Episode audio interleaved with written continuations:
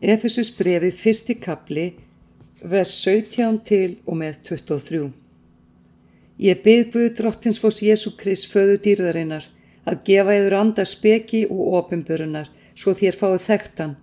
Ég bygg hann að upplýsa sálarsjóniðar svo þér skiljið hversu von er sem hann hefur kallað oss til, hver ríkdómur hans dýrlegu arfleðar er sem hann hefur ætlað oss meðal hérna heilugu og hverinn yfirgnefendi máttur hans við oss sem trúum.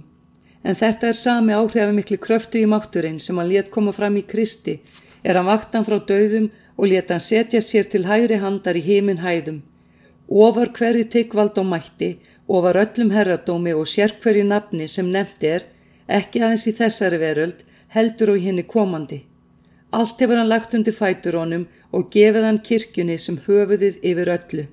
En kirkjan er líka með hans og fyllist af honum sem sjálfur fyllir allt í öllu. Efesus brefið annar kapli, áttunda til og með tíunda vess. Því af náð eru þér hólpnir orðnir fyrir trú. Þetta er ekki yfir að þakka, það er Guðs gjöf.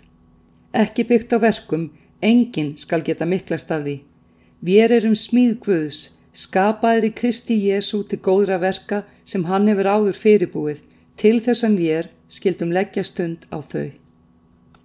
Efesus brefið þriði kapli 20. og 21. ves.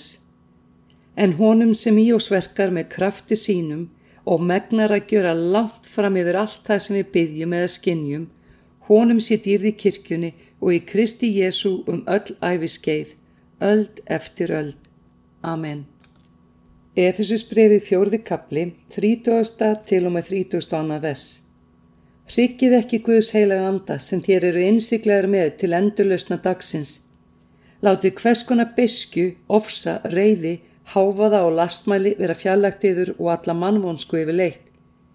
Verið góðviljaður hver við annan, miskunnsamir, fúsir til að fyrirgefa hver öðrum eins og Guð hefur í Kristi fyrirgefið yður. Efesus brefið 5. kapli, 17. til og með 20. vess.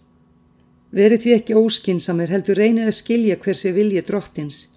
Drekkiður ekki drukna að víni, það leiðir aðeins til spillingar. Fyllist heldur andanum og ávarpið hver annan með sálmum, lofsungum og andlegum ljóðum. Syngið og leiki fyrir drottin í hjörtum eðar og þakki jafnan Guði föðurnum fyrir alla hluti í nafni drottins vos Jésu Krist.